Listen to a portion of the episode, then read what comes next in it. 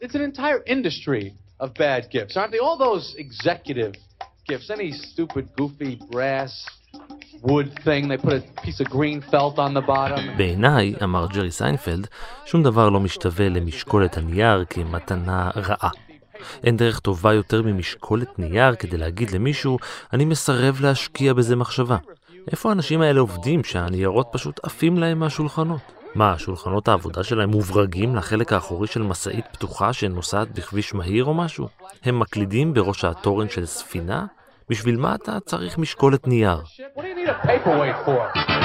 אה, רגע.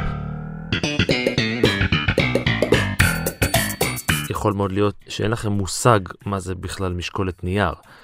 משקולת נייר, עבור הצעירים שבמאזינים, היא חפץ קטן ומספיק כבד כדי להניח אותו על ערימה של ניירות, כדי למנוע מהם להתפזר במשב רוח.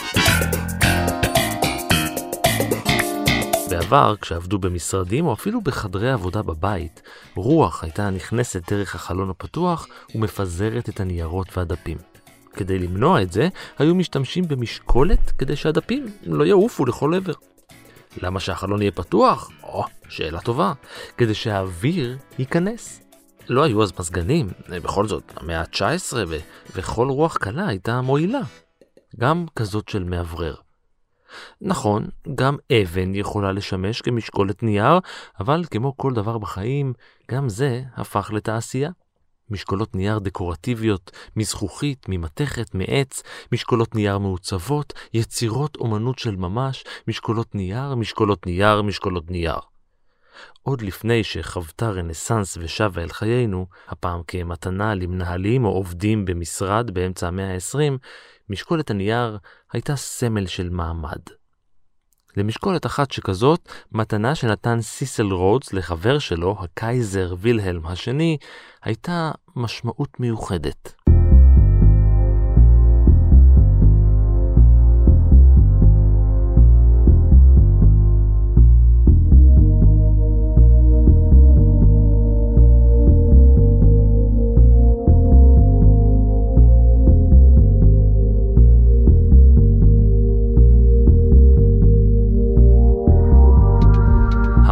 אני רן מנהר ואתם על מנהר הזמן. מדי פרק אנחנו מספרים לכם על מקרה שקרה בעבר מזווית שכנראה עוד לא הכרתם. הפעם אנחנו חוזרים אל הקשר הנשכח שבין האיש שיצא לכבוש את אפריקה ובין הנכד של המלכה ויקטוריה, קשר שהצית מלחמת עולם.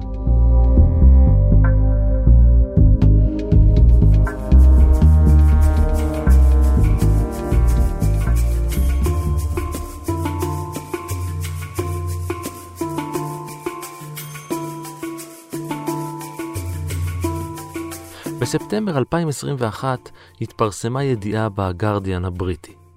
על מדף במחסן של מוזיאון האוס דורן התגלה בחודש אפריל פריט מאובק ובלוי. ברשומות הוא תועד רק כמשקולת נייר, אחת מתוך 30 אלף חפצים בני יותר מ-100 שנה שנשמרו איכשהו.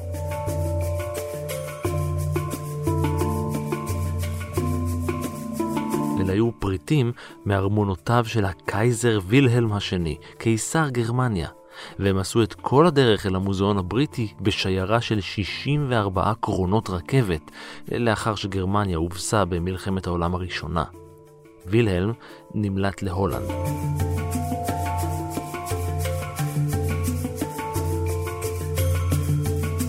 למה הקיסר הכל יכול כמעט של גרמניה הגדולה ישמור משקולת נייר בכזאת אדיקות? זה נראה מוזר.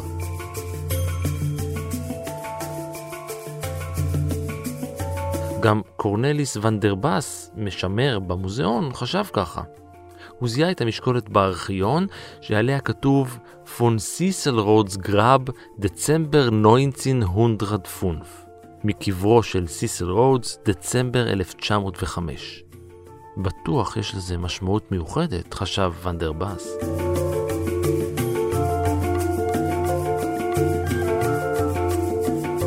אז מה הקשר בין המנהיג העליון של גרמניה והאימפריאליסט הבריטי, ואיך הוא גרם לתנודות ססמיות ברחבי העולם, ואיך זה קשור לקבר של רודס? כדי להבין את זה, אנחנו צריכים להכיר את השניים. את הקייזר, אדם קיצוני ורב כבוד, ואת רודס, אחד האנשים העשירים בעולם בזמנו.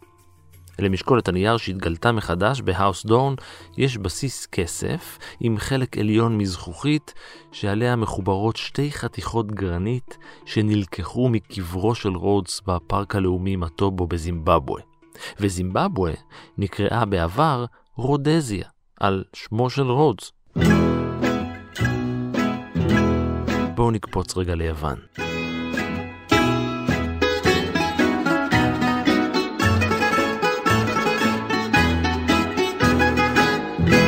באחד מהאיים היווניים חיו בעבר הרחוק המון סוגי נחשים. נחשים. כיוון שכך, יורדי הים העתיקים שהגיעו אל האי כינו אותו בשם אי הנחשים. יורדי הים האלה היו פיניקים, העם שישב לחופי לבנון וסוריה והגיע במסעותיו הימיים לכל מקום בים התיכון. המילה הפיניקית לנחש היא ארוד, והשם דבק באי. היוונים, ששאבו מהפיניקים את מערכת האותיות שהמציאו האלף-בית, קראו לאי רודוס. רודון ביוונית הוא ורד.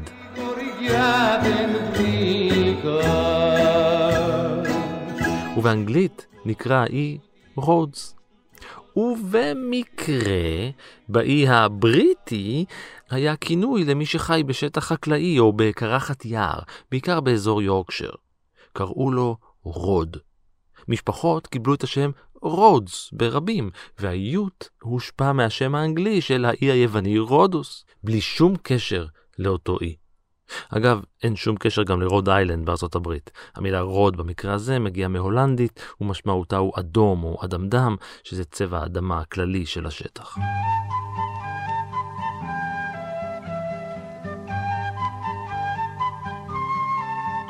וכך התפתחו בבריטניה משפחות שונות תחת השם רודס. אחת מהן, שאפשר להתחקות אחרי שורשיה עד שנת 1660, החלה בג'יימס רודס. ויליאם רודס, שחי מאה שנה אחר כך, היה יצרן לבנים. בנו הבכור, פרנסיס ויליאם, היה כומר בבישופ סטנפורד, עיירה ציורית במחוז הרטפורד.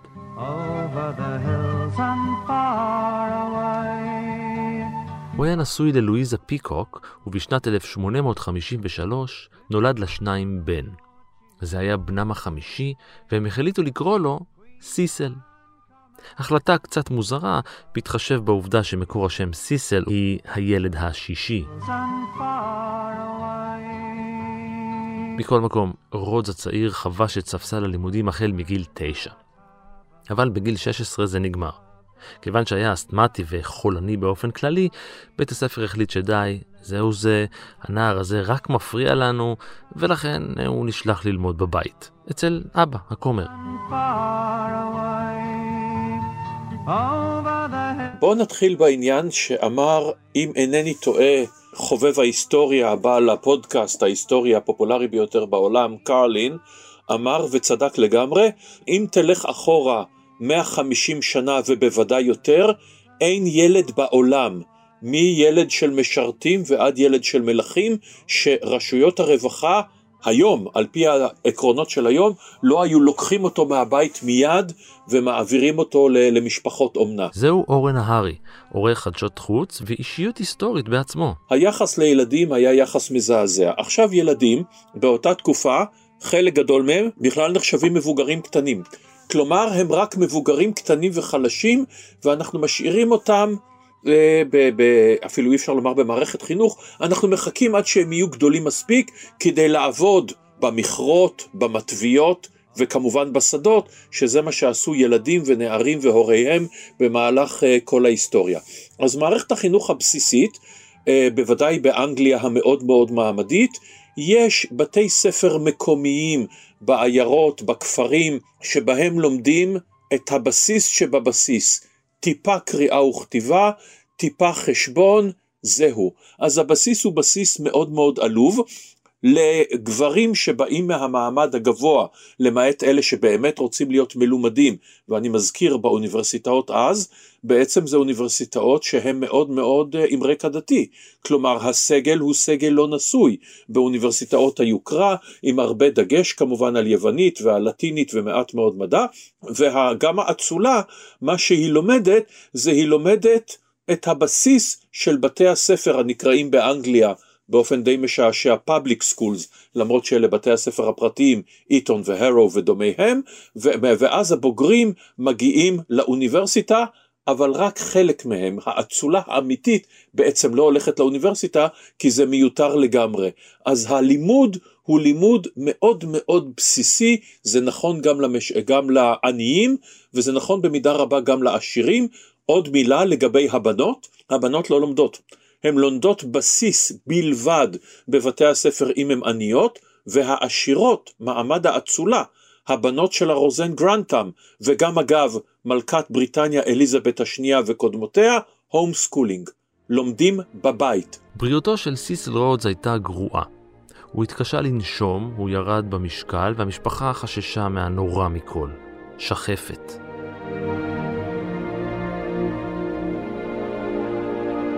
כפי שסיפרתי בפרק המגפה הלבנה, ב-90% מהמקרים שחפת באה לידי ביטוי בריאות. לפעמים היא הופכת למחלה כרונית עם דלקת ריאות, שיעול מלווה בדם, אבל בשאר המקרים הזיהום החיידקי מתפשט אל מחוץ לריאות וגורם לסיבוכים וסוגי שחפת שונים. היא יכולה לפגוע במערכת העצבים המרכזית, היא יכולה לפגוע במערכת הלימפה, במערכת העיכול, בעצמות ובמפרקים. נראה שהחולים בשחפת הולכים ומרזים כאילו משהו אוכל אותם מבפנים. ולכן העניקו תרבויות העולם השונות שמות דומים למחלה. phthisis ביוונית, consumptione בלטינית, chaky oncay בשפת האינקה, yaksma בהודית, כל השמות הללו מתארים את השפעתה של המחלה על הגוף. רזון קיצוני. נראה שהגוף נאכל ונעלם. consumption באנגלית. בעברית אנחנו קוראים לה שחפת. ככל הנראה, השורש שח"פ קשור ברזון, בדקיקות, להיות קליפה של משהו. שחפת היא להיגמר, להיעלם, לרזות עד היעלמות.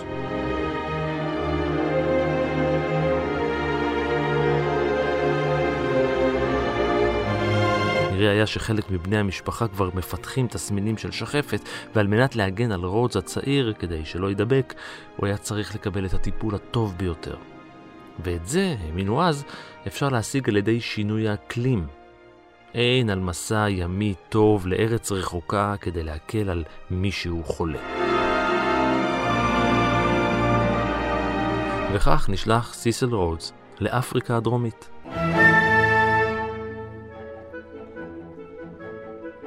אפריקה זה בכלל מקרה מעניין. האדם הלבן, האירופי, המתיישב, המתנחל, הקולוניאליסט, מגיע ל... ל... לליבה של אפריקה בשלב מאוד מאוחר, כי לב אפריקה הוא גם מסוכן, יש שם מחלות, יש שם זבובי צצה, יש דברים שמכים גם באדם וגם במקנה, ואין שם מקומות להתיישבות ממש. והאימפריה הבריטית, ההסתכלות שלה היא הסתכלות ימית. הדברים שהיא רוצה בראש ובראשונה, היא חייבת לשלוט בנמלים ובמקומות הקריטיים. על כן, כמובן, אותו מהלך מדהים שעושה ראש הממשלה דיזראלי, הקנייה בתוך סוף שבוע אחד מכספי משפחת רוטשילד, שמעמידים לו הלוואה כי ה Bank of England סגור, לקנות את מניות תעלת סואץ, כי תעלת סואץ כמובן מקצרת בהמון את השיט מבריטניה אל הודו, היהלום שבכתר, ובריטניה צריכה את הנמל הקריטי באפריקה, שהוא הנמל של קייפטאון. כיף התקווה הטובה, הקצה של אפריקה. מקומות אחרים באפריקה היו מקומות שכבר היו בשליטה של, אה, של מעצמות אחרות, והאמת היא שאנגליה לא עד כדי כך הייתה מעוניינת בהם, יש להם מספיק מקומות גם למתיישבים האנגליים שנמצאים בדומיניונים, בקנדה, באוסטרליה, בניו זילנד, במקומות אחרים, אפריקה חשובה לה פחות. עכשיו הם מתחילים להגיע מהחוף, הם וכל האירופים, מהחוף פנימה, מהחוף של ניגריה מהחוף של דרום אפריקה, ומה שקורה בדרום אפריקה הוא כמובן ראשית ההשתלטות על הנמל והדחיקה של הבורים, אותו שילוב של הוגנוטים, הולנדים וגרמנים, מאוד יראי שמיים, מאוד אדוקים בדתם, מאמינים רק בברית הישנה, מאמינים שהעולם שטוח אגב, עם עוד כל מיני דברים, וכשהאנגלים דוחקים אותם מקייפטאון, הם עולים על עגלותיהם ויוצאים למה שנקרא הטרק הגדול. הטרק הגדול, הם חוצים את הנהר ואל, לכל מי שמכיר את התשבצים והתשחצים, נהר באפריקה שתי אותיות, ומקימים את רפובליקת טרנסוואל, מעבר לוואל, וגם את רפובליקת אורנג' החופשית. אורנג' כמובן הסמל ההולנדי, הכתו, הצבע הכתום מאז ועד עצם היום הזה, ושם הם נמצאים, האנגלים נמצאים בקייפטאון ובנטל. נטל שבירתה היא דרבן, שלשם מגיעים אנשים מרחבי האימפריה הבריטית. למשל, לימים יגיע לשם אה, עורך דין צעיר שנכשל בכל מה שהוא עשה בארצו ולמד באנגליה והוא מנסה למצוא את מזלו בדרום אפריקה, בחור בשם מוהנדס קרמצ'נד גנדי. אבל זה סיפור בהמשך. לימים כמובן בדרום אפריקה יימצאו זהב ויהלומים וכשיבואו אנגלים בעקבותיהם תתחיל מלחמת הבורים. אבל זה בשלב הבא. בינתיים האנגלים נמצאים מצד אחד במצרים וסודאן ובניגריה ובדרום אפריקה. ואז עולה הרעיון של בעצם מעבר, תעבורה, תחבורה, לחבר את מזרח אפריקה ומערבה, לחבר את דרום אפריקה וצפונה.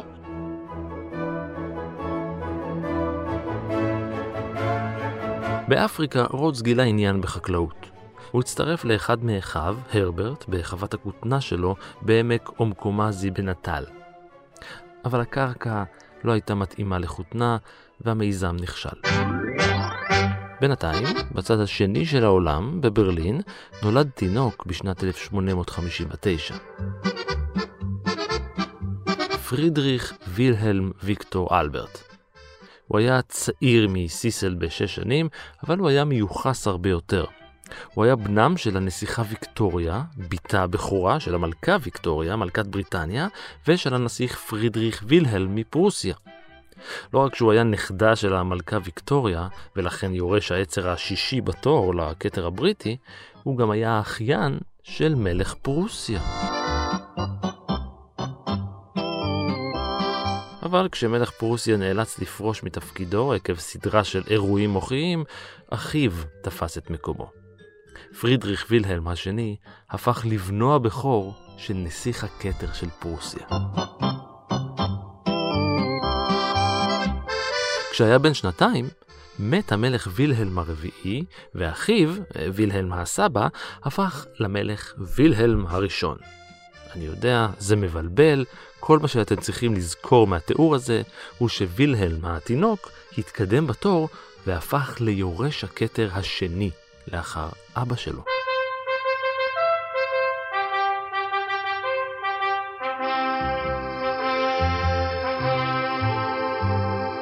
כשנולד בלידת עכוז טראומטית, הוא נותר פגוע. זרועו השמאלית הייתה קצרה מהימנית בכמעט 15 סנטימטרים. היא גם משותקת. העיוות הזה השפיע עליו לאורך כל חייו. לא רק שהוא ניסה להסתיר את הפגם הזה, הוא היה אחד הגורמים המשמעותיים בהתפתחותו הרגשית כבן אדם. אימא שלו האשימה את עצמה בנכות שלו והכריחה אותו לקחת שיעורי רכיבה על סוסים. יורש העצר חייב ללמוד לרכוב, היא אמרה. וכך, החל מגיל שמונה, וילהלם הצעיר והאומלל נפל מהסוס. ושוב, ושוב, ושוב, עד שהוא למד לשמור על שיווי המשקל על גבו של הסוס. כשהיה בן 12, הוא גם הפך ליורש העצר העתידי של גרמניה, לאחר הקמתה של האימפריה הגרמנית החדשה, הרייך השני.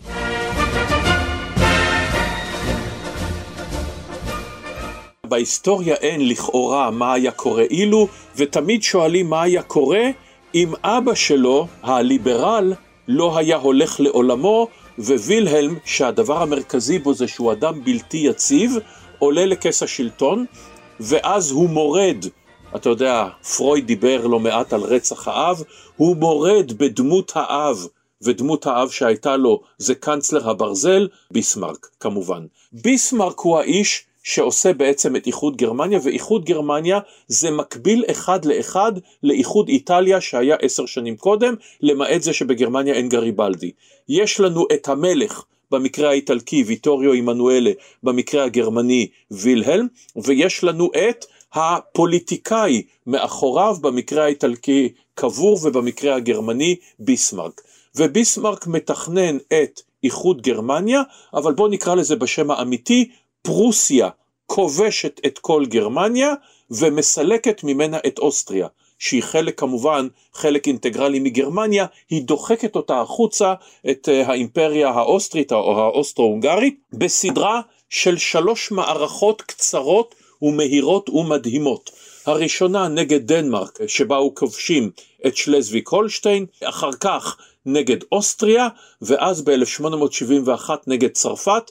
שלוש המלחמות האלה הן קצרות מאוד, מהירות מאוד, מי שמארגן את זה זה כמובן ביסמרק, ואז הקמת הרייך השני, הרייך הגרמני, נעשית בוורסאי. בארמון ורסאי חותמים על הדבר הזה, שזה די מדהים, ואחר כך הקיסר וראש הממשלה שלו נפרדים, הוא מסלק את ביסמרק, מוצא איזושהי תואנה, ביסמרק אמנם כבר בן 75, והוא, וילהלם, נשאר בלי אף כוח מולו, הוא נשאר בתור הקייזר, והקייזר הזה אין מי שהתייצב מולו. חוקת המדינה החדשה נכנסה לתוקף ב-16 באפריל 1871, שינתה את שם המדינה הפדרלית לאימפריה הגרמנית, והעניקה את התואר קייזר, קיסר, לווילהלם הראשון, מלך פרוסיה מבית הוהנצולרן. הקנצלר, ראש הממשלה, היה אוטו פון ביסמרק.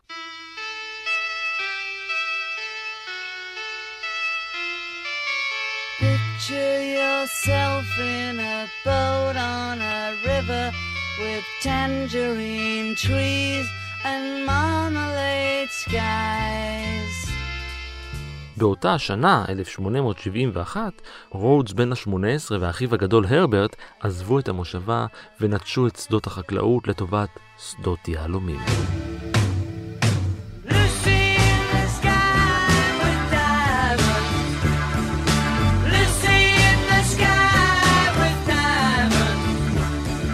הם עברו לקימברלי במחוז קייפ הצפוני שבדרום אפריקה.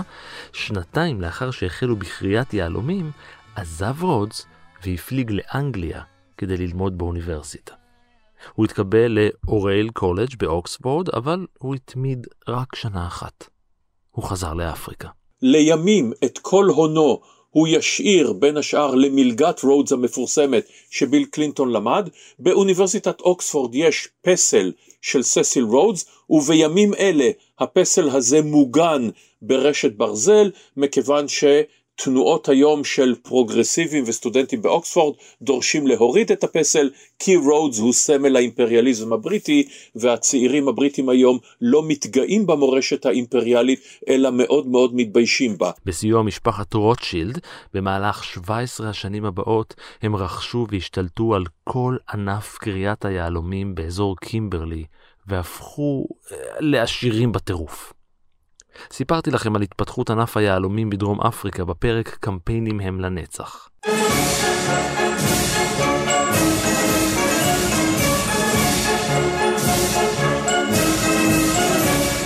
גם וילהלם למד באוניברסיטה, אבל בניגוד לרודס, הוא גם סיים.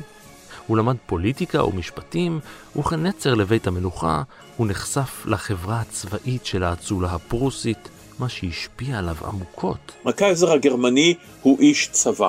על נאמר על פרוסיה, אה, אני לא הראשון ולא האחרון שמצטט את האמרה הידועה, נדמה לי וולטר היה הראשון שאמר אותה, ווולטר נזכיר נולד ב-1694. הוא אמר את זה אפרופו פרידריך הגדול, שלכל המדינות בעולם יש צבא, פרוסיה זה צבא שיש לו מדינה. וזה היה מדויק לחלוטין. בפרוסיה הצבא היה מהות הכל. שירות בצבא, שירות המדינה היה המהות. פרוסיה, שלא תהיינה אי הבנות, יש בה גם כלכלה. היא שולטת בכל התעשייה של הפלדה. בפרוסיה יש מדע, ויש טכנולוגיה, ויש אלף ואחד דברים, אבל הצבא הוא השירות האידיאלי. וכמובן, כאשר עושים משחקי מלחמה, הצד של הקייזר תמיד הוא זה שינצח. ביסמרק אמר בקונגרס ברלין, שדן בחלוקת אפריקה, אמרו לו, איפה המושבות שלנו? אנחנו הגרמנים, אנחנו מעצמה, למה לבריטים יש ולצרפתים יש? מה איתנו? וביסמרק פרס את מפת אירופה, אמר, פה גרמניה, פה רוסיה ופה צרפת. זו מפת אפריקה שלי. מה הוא התכוון לומר בזה? צריך להתרכז במה שחשוב.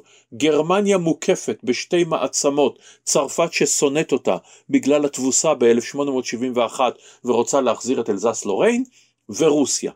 והמורשת שלו הייתה, שוב ושוב ושוב הוא אמר, גם לקייזר, לעולם ועד להקפיד על יחסים טובים עם רוסיה, כדי שגרמניה לעולם לא תיכנס למצב של מלחמה בשתי חזיתות, כי אז היא תפסיד. ביסמרק אפשר להגיד עליו הרבה דברים גרועים, אבל בסופו של דבר הוא היה מדינאי דגול שהבין מצוין דיפלומטיה ומדיניות. על זה בואו נוסיף את ההערצה של וילהלם לאבא שלו, גיבור המלחמה שהובילה לאיחוד גרמניה, וקיבלנו את שלל הסיבות שווילהלם הסתובב במדי צבא בכל רגע נתון. הימים היו ימים של התעוררות לאומנית גרמנית. הרגשות הפרוסים והגרמניים היו בשיאם, ווילהלם הפך ללוקל פטריוט אוטוקרטי, בניגוד להורים שלו שדגלו בחינוך ליברלי בריטי. הוא האמין שהם נותנים עדיפות לאינטרסים הבריטים לפני אלה הפרוסים. לקראת גיל 21 הוא גויס לצבא.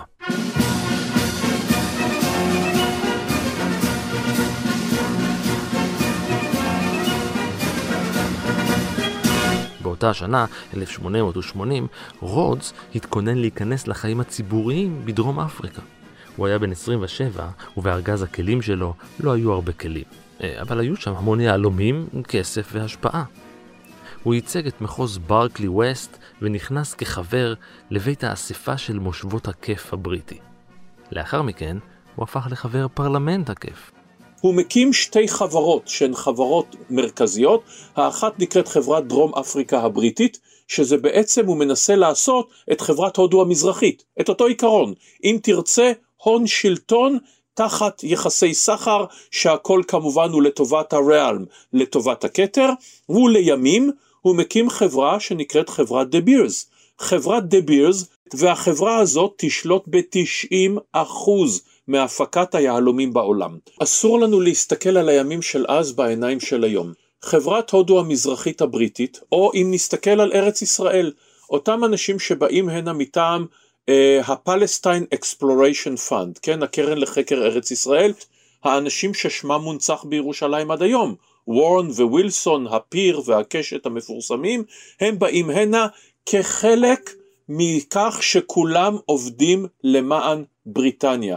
רודס אמר, הבריטים הם הגזע המובחר בעולם, וככל שאנחנו הבריטים נאכלס יותר מהעולם, כך ייטב למין האנושי. הם מאמינים בזה לגמרי. השלטון הבריטי בכיף היה סביר לחלוטין, כי מרבית תושבי הכיף, אני מדבר על הלבנים כמובן, הם אנגלים. אז השלטון נכון, זה, זה מושבה, שבראשה עומד מושל, אבל השלטון הוא שלטון סביר מאוד, כל עוד, אני מדגיש שוב, אתה אנגלי לבן שמציית לחוקים. אם אתה אדם שחור המורד בחוקים, אז כמובן מצבך הוא איום ונורא. שנת 1888 הייתה שנה קריטית גם עבור וילהלם וגם עבור רודס.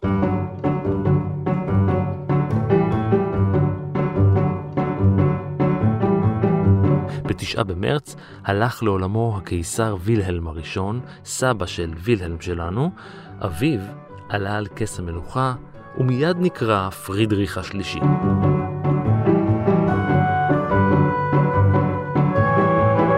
ימיו על הכס היו ספורים מראש.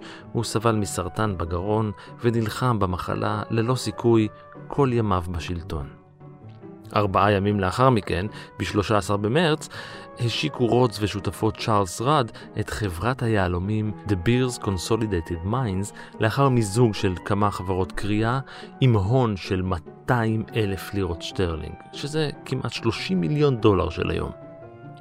95 ימים לאחר מכן מת פרידריך השלישי. ב-15 ביוני עלה לשלטון וילהלם השני, מלך פרוסיה, וקיסר גרמניה. אבל הייתה לו בעיה.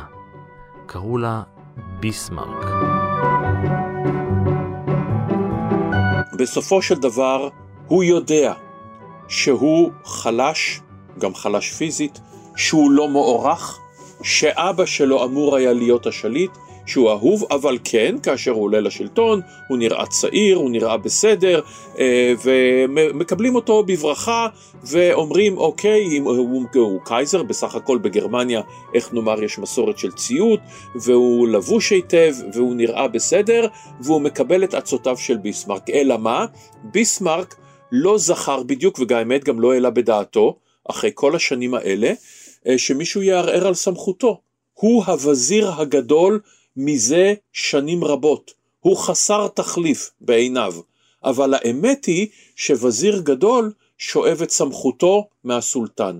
וביסמרק, ששלט ביד ברזל בפרלמנט ועשה שם כרצונו וניהל את המדיניות ועשה את כל הדברים והוא באמת אבי הרייך הגרמני השני, וילהלם הראשון הוא זה שהוכתר, אבל בסופו של דבר ביסמרק הוא זה שעושה את זה, וגרמניה צומחת, וביסמרק הוא זה שמהחשש שלו מעליית הסוציאליזם והקומוניזם. אני מזכיר, אלה גם השנים שבהם קרל מרקס כותב את הקפיטל, וכבר יש את אה, מהומות אחד במאי הראשונות בארצות הברית בשיקגו, העם אה, מתחיל להיות, הוא צריך לפייס את העם, על כן הוא מעביר את החקיקה הראשונה שתהיה חקיקת אה, רווחה.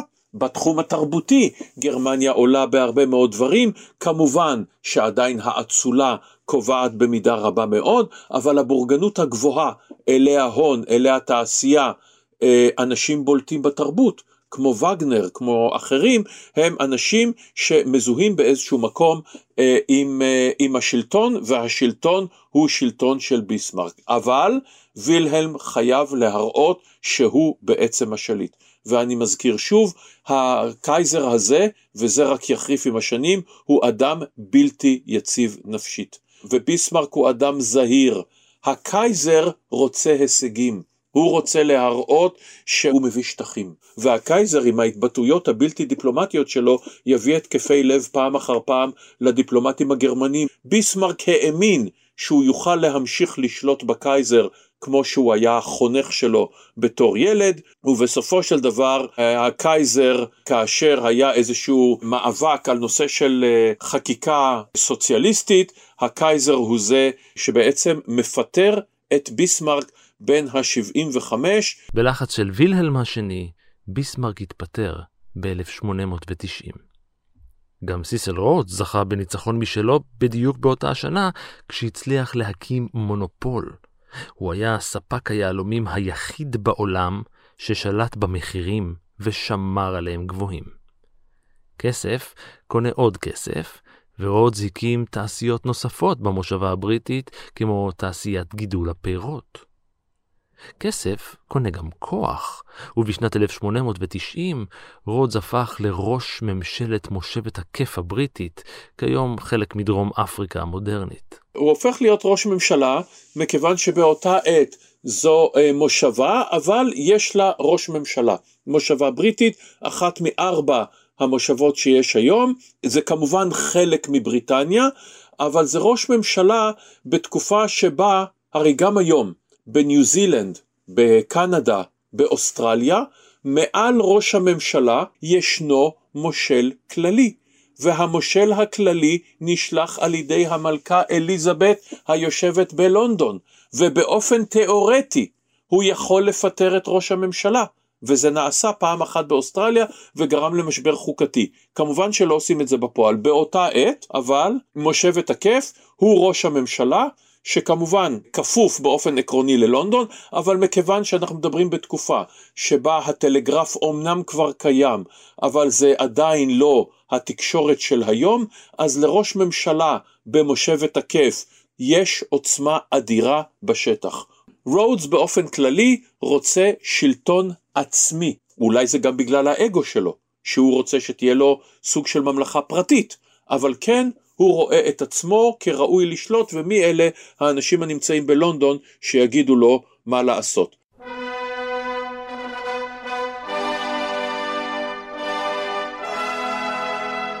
השאיפות של רודס היו גדולות יותר.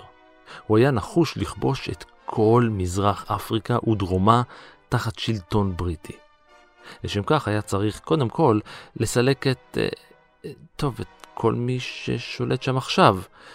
הצעד הראשון היה לסלק אנשים שחורים ממקומם לטובת פיתוח תעשייתי על האדמות שלהם.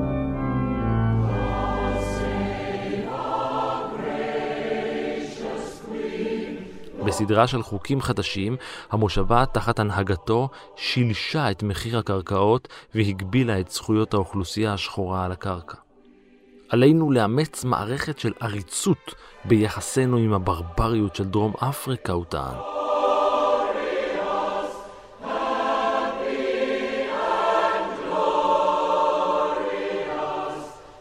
הצעד הבא היה להתמודד עם המדינות השכנות. למשל, הרפובליקה העצמאית של הבורים במדינת טרנסוול, או מדינת אורנג' החופשית. איך אפשר להפיל את השלטון במדינות האלה שהיו עשירות בזהב ויהלומים? קל, נעודד מיליציה חמושה לפשוט את שטחי הבורים. הוא רצה שהם יתמרדו ויילחמו על עצמאותן מול השלטון הבורי.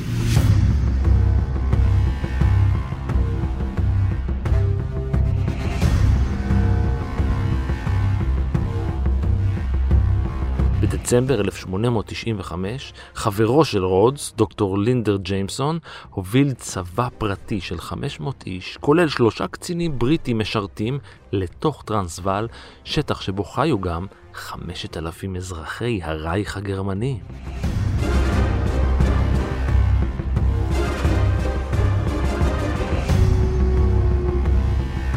הם השתמשו במכונות ירייה ובכוחות ארטילריה, אבל הם נכשלו. הפשיטה הייתה כישלון מהדהד, לוחמי המיליציה נתפסו, נעצרו ונשלחו חזרה לבריטניה למשפט. מוביל הפשיטה הבריטית, ג'יימסון, נשלח ל-15 חודשי מאסר, אך דעת הקהל הבריטית נטטה לטובתו. הוא נתפס כגיבור לאומי.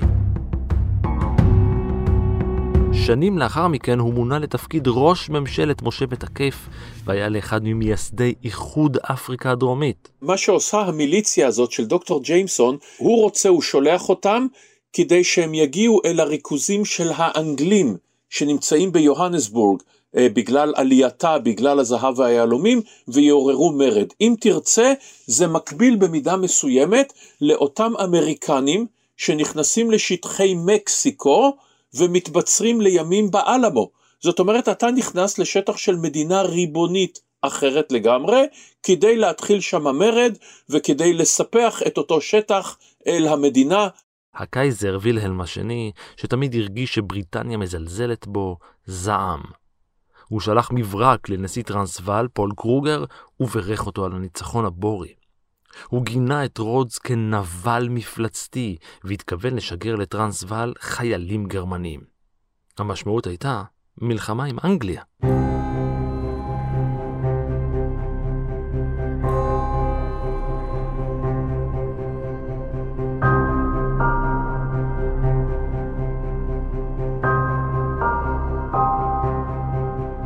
התערבותו של הקייזר במשבר הייתה אסון יחצני. כשתוכן המברק התפרסם בעיתונות הבריטית, גל של שנאה לגרמניה התעורר בממלכה. העיתונות הבריטית תקפה את הקייזר בגלל האיום הדק שלו, וויקטוריה נתנה לנכד הבכור שלה נזיפה.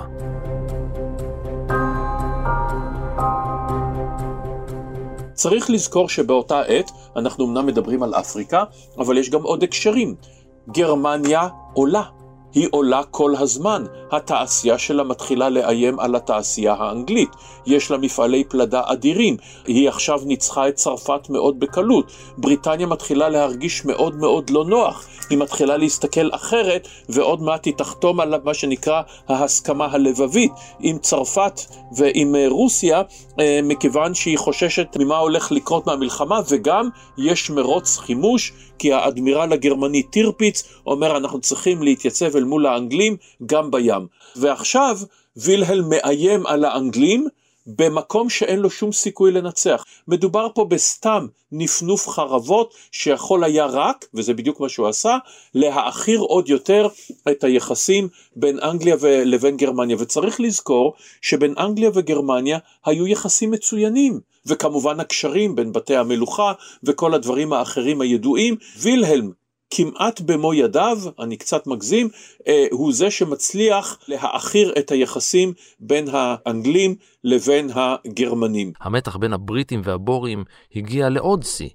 נראה שמלחמה חדשה הייתה כמעט עניין בלתי נמנע, ומושבת הכיף החלה להתחמש. מלחמת הבורים ב-1899 רק חיזקה את חוסר האמון והאיבה. במלחמת הבורים השנייה, הבריטים, לקח להם זמן, אבל הביסו את הבורים במלחמה, נקרא לה מלחמה רגילה, של צבאות סדירים, ואז הבורים מתחילים במלחמת גרילה. הם מקימים קבוצות שהם קוראים להם בהולנדית קבוצות ציד. קבוצת ציד נקראת בהולנדית קומנדו. כלומר, האנגלים זלזלו בהם.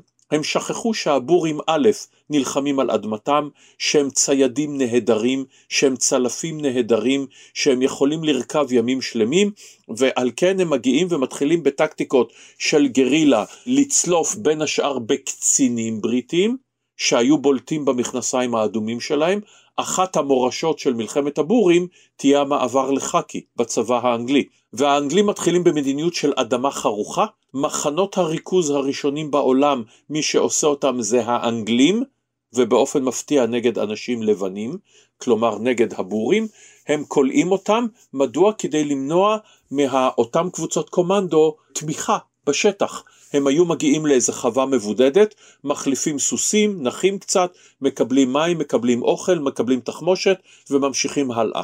על כן הבריטים הורסים את כל החוות, מפנים את הנשים והילדים למחנות ריכוז, ובסופו של דבר ב-1902 הבורים נכנעים. סיפרתי לכם על מלחמת הבורים בפרק ההיסטוריה האפלה של הבריטים. סיסל רודס נאלץ להתפטר מתפקידו כראש ממשלת מושבת הכיף.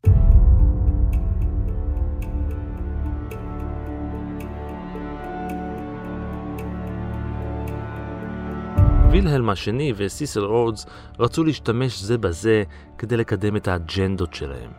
זו הסיבה שרודס שלח לווילהלם שני ספרים בשנת 1899 וצירף להם מכתב מתחנף, לכאורה. הוא כתב לו שהוא גאון ושהאוכלוסייה הגרמנית לא מעריכה את גאונותו. זה נשמע כמו טריק זול, אבל הוא עבד. זה עובד תמיד. השניים קבעו להיפגש. זה ייצור שערורייה בקרב הנתינים המטומטמים שלי, אמר וילהלם, אבל לא אכפת לי. אם הייתי יכול, הייתי תולה את סיסל רודס, אבל כיוון שזה לא אפשרי, אני אעשה בו שימוש.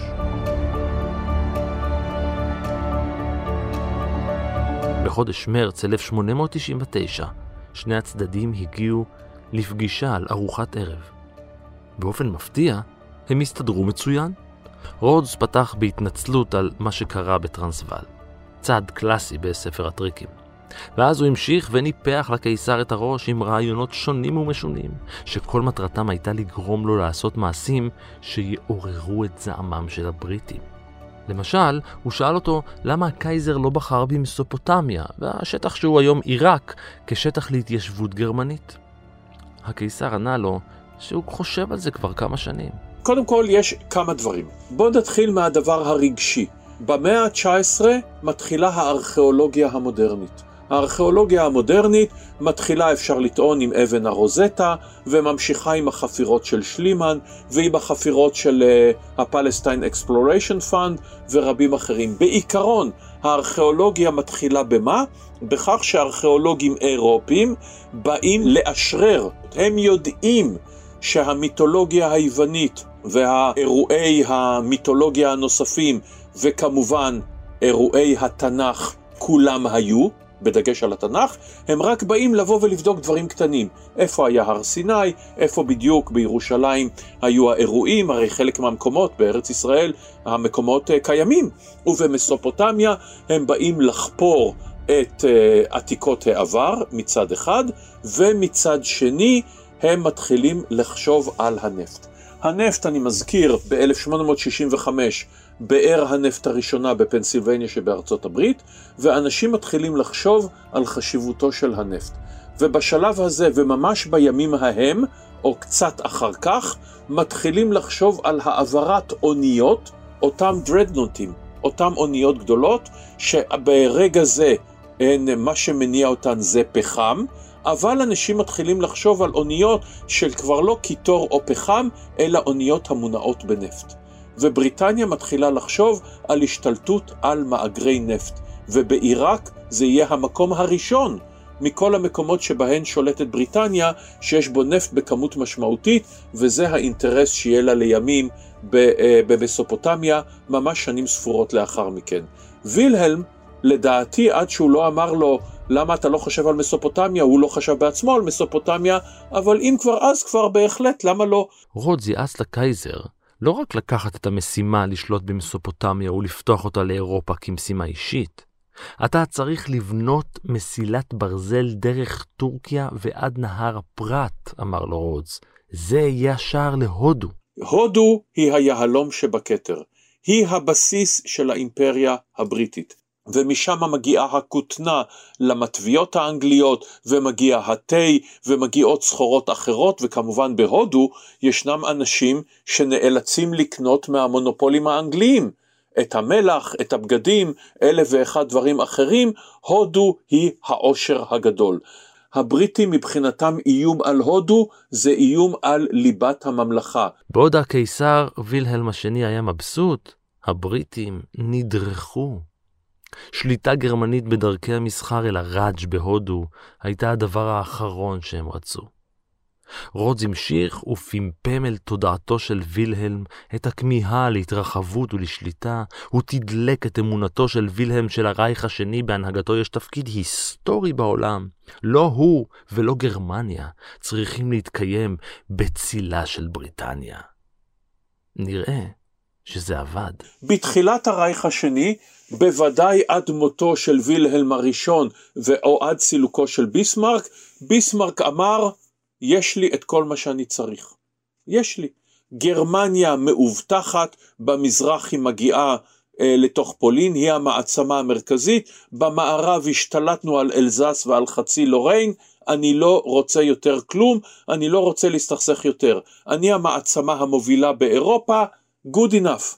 אנחנו זהירים ופרגמטיים, ווילהלם הראשון קיבל את זה. וילהלם השני רוצה תהילה, הוא רוצה התרחבות, הוא רוצה התפשטות, הוא רואה בעיניים כלות איך לפקקטה פורטוגל יש מושבות באפריקה, איך ההולנדים הזעירים שולטים באינדונזיה, איך ספרד כבר אמנם יש לה הרבה פחות ממה שהיה פעם, אבל בכל זאת יש לה, כמובן בריטניה וצרפת יש להן מושבות באסיה, באפריקה, אפילו ביבשת אמריקה, באוקיינוס השקט, ואיפה אנחנו?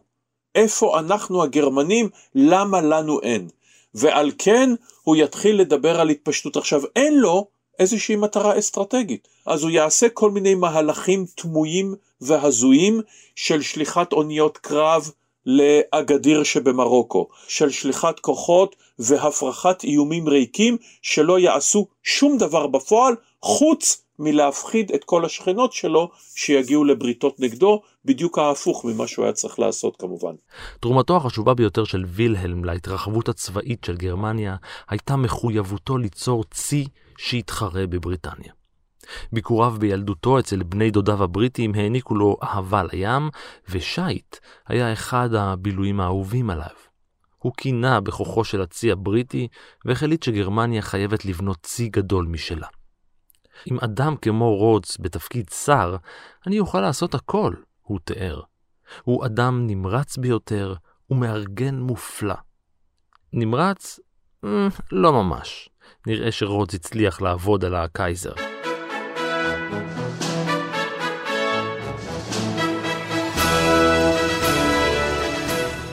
כפי שאתם ודאי זוכרים, סיסל רודס נשלח לאפריקה כדי לטפל בבריאותו הרופפת.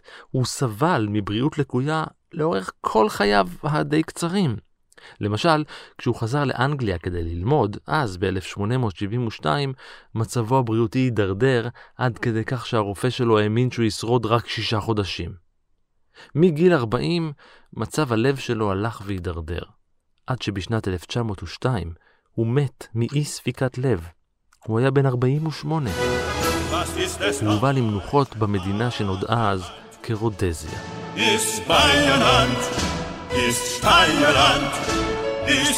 שנתיים לאחר מכן, ב-28 בדצמבר 1905, העניק המיליונר הבריטי אלפרד בייט מתנה לקייזר וילהלם השני.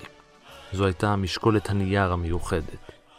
בייט היה חבר קרוב של רודס, שעשה את הכסף שלו גם הוא מיהלומים.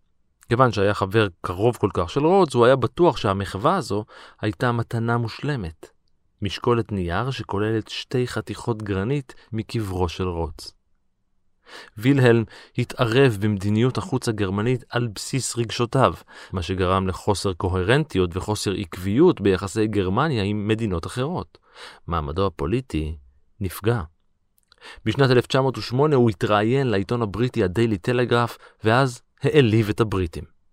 אתם האנגלים מטורפים, מטורפים כמו ארנבות במסלול המרוצים. הרעיון הזה החליש אותו עוד יותר. מה שקורה זה שורה של מעשי טמטום. בראש ובראשונה, הטמטום הנורא שאפשר לבוא ולטעון, שגרמניה חותמת על הסכם עם אוסטריה, אחרי שהיא הביסה אותה, אבל בכל זאת אלה שתי מדינות אה, מאותו דויטש קולטור ומאותה תרבות וכולי, וגרמניה חותמת על צ'ק בלנקו לאוסטריה. היא אומרת לאוסטריה, שלא רק זה אם את תותקפי נבוא לעזרתך, גם אם תצאי למלחמה, אנחנו איתך. ומכיוון שלרוסיה יש ברית עם צרפת, אז זה יביא בהכרח למלחמה בין ארבע המעצמות האלה. ומכיוון שתוכנית שליפן גם קוראת כניסה של גרמניה לבלגיה, שעל הנייטרליות שלה חתומה בריטניה, ולא רק זה שהיא חתומה על הנייטרליות שלה, אלא מבחינת הבריטים אסור שמעצמה עוינת תשלוט בבלגיה, זה יעשה מלחמה בין חמש המעצמות האלה. אז יש פה סוג של מכונת יום דין דיפלומטית. לזה מצטרפת מכונת יום הדין הצבאית. התנהגותו של וילהלם במהלך המשבר עדיין שנויה במחלוקת. השערוריות הציבוריות בהן היה מעורב, כמו גם ההתנקשות בחברו הארכידוקס האוסטרי פרנץ פרדיננד, שברו אותו פסיכולוגית. במשך השנים שקדמו למלחמה, הוא היה מנותק לחלוטין מהפוליטיקה הבינלאומית. הוא חשב שיחסי הדם שלו עם מלכים אירופים אחרים מספיקים כדי לנהל את המשבר. בלחץ מצד הגנרלים שלו, בשבוע הראשון של אוגוסט חתם וילהלם על הצו שמכריז מלחמה נגד רוסיה וצרפת. על פי דיווחים, הוא גם אמר, אתם תצטערו על זה רבותיי. תוכנית שליפן, שקראה להבסת צרפת ואז הפניית הצבא מזרחה והצבא והבסת רוסיה, כולה היה בנוי על דבר אחד ויחיד, על זה שגרמניה נלחמת בקווים פנימיים, וגרמניה, בגלל שהמדינה המודרנית ביותר והמתקדמת ביותר, הגיוס שלה הוא מאוד מאוד מהיר. על כן, אם ישנו משבר, גרמניה יכולה לגייס את כל המילואים, כי תוכנית שליפן כבר קוראת לצבא ענק. במלחמה הקודמת ב-1871 בין גרמניה לצרפת, כל מדינה העמידה בשדה הקרב רבע מיליון חיילים. עכשיו מדברים על מיליון וחצי חיילים. אז גרמניה אומרת אנחנו חייבים לגייס את המילואים שלנו במהירות, להביס את צרפת מהר ואז להפנות את זה מזרחה. מה המשמעות? שאם מתחיל משבר וכל מדינה מתחילה לגייס את המילואים, אם גרמניה מתאפקת ואף אחד לא יוצא למלחמה, מצוין. אבל אם פורצת מלחמה, אז אין לגרמניה שום תוכנית. כי תוכנית המלחמה האחת והיחידה, אין פלן בי, זה תוכנית שליפן, שכולה בנויה על כך שגרמניה תגייס את המילואים ראשונה. על כן, כאשר יוצא הארכידוקס פרנץ פרדיננד לסרביה, אוסטריה מזה זמן רב רוצה לחסל את הסרבים. הסרבים הם קוץ בבשרה. אז אחרי הרצח, הם דורשים מסרביה שורה של תנאים משפילים, סרביה נענית כמעט לכולם, אבל אוסטריה רוצה מלחמה. וכאשר אוסטריה מתכוננת למלחמה, רוסיה, הפטרונית של הסרבים, מתחילה לגייס מילואים. גרמניה נותנת אולטימטום, וצרפת נכנסת לתמונה, ובריטניה נכנסת לתמונה, וכולם היו משוכנעים. הקייזר וילהם אמר, אתם תחזרו הביתה עד שהעלים ינשרו מהעצים, וכך אמר גם הקנצלר הגרמני, זה תהיה סופת ברקים קצרה ומטהרת.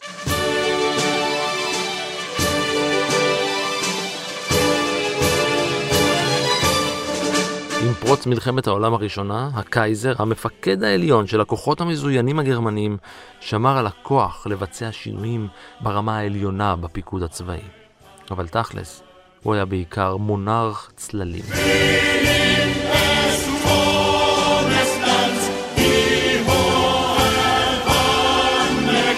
ותפקודו במהלך המלחמה היה גרוע. כלומר, קודם כל, המטכ"ל הוא זה ששולט במלחמה. והקייזר כמובן הופך להיות סמל של הצבא, כי מי מכיר את כל הגנרלים האחרים, והקייזר יהיה זה שיחלק מדליות ויבקר ויזכור אה, מצעדים. מלחמת העולם הראשונה גבתה את חייהם של שמונה וחצי מיליון חיילים ושלושה עשר מיליון אזרחים. בעקבות המלחמה ומגפת השפעת הספרדית שבאה בעקבותיה, נהרגו בסך הכל קרוב ל-40 מיליון בני אדם ברחבי העולם. ובתום המלחמה הקייזר נאלץ, מאולץ להתפטר, הוא הסמל של המלחמה, כולם שונאים אותו, כולם רואים בו את האחראי המרכזי, אה, והוא יוצא לגלות, הוא יוצא לגלות בהולנד, ששם הוא יישאר, ועד יום מותו הוא יחכה לזה שהעם הגרמני יקרא לו לחזור, מה שכמובן לא יקרה. וילהלם מת מתסחיף ריאתי בדורן, הולנד, ב-4 ביוני 1941, בגיל 82. כאשר הולנד כבר נמצאת שוב בשליטה אה, גרמנית. שני חברים הלכו בדרך בים בום. ועד כאן מנהר הזמן להפעם. כל הכישורים לפרקים שהזכרתי במהלך הפרק זמינים לכם בעמוד הפרק באתר של כאן. תודה לאורן נהרי, תודה גם לאור מנהר ששמר על הניירות והיה על ההפקה, ולנועה בן הגיא שכבשה כמה מדינות והייתה על העריכה.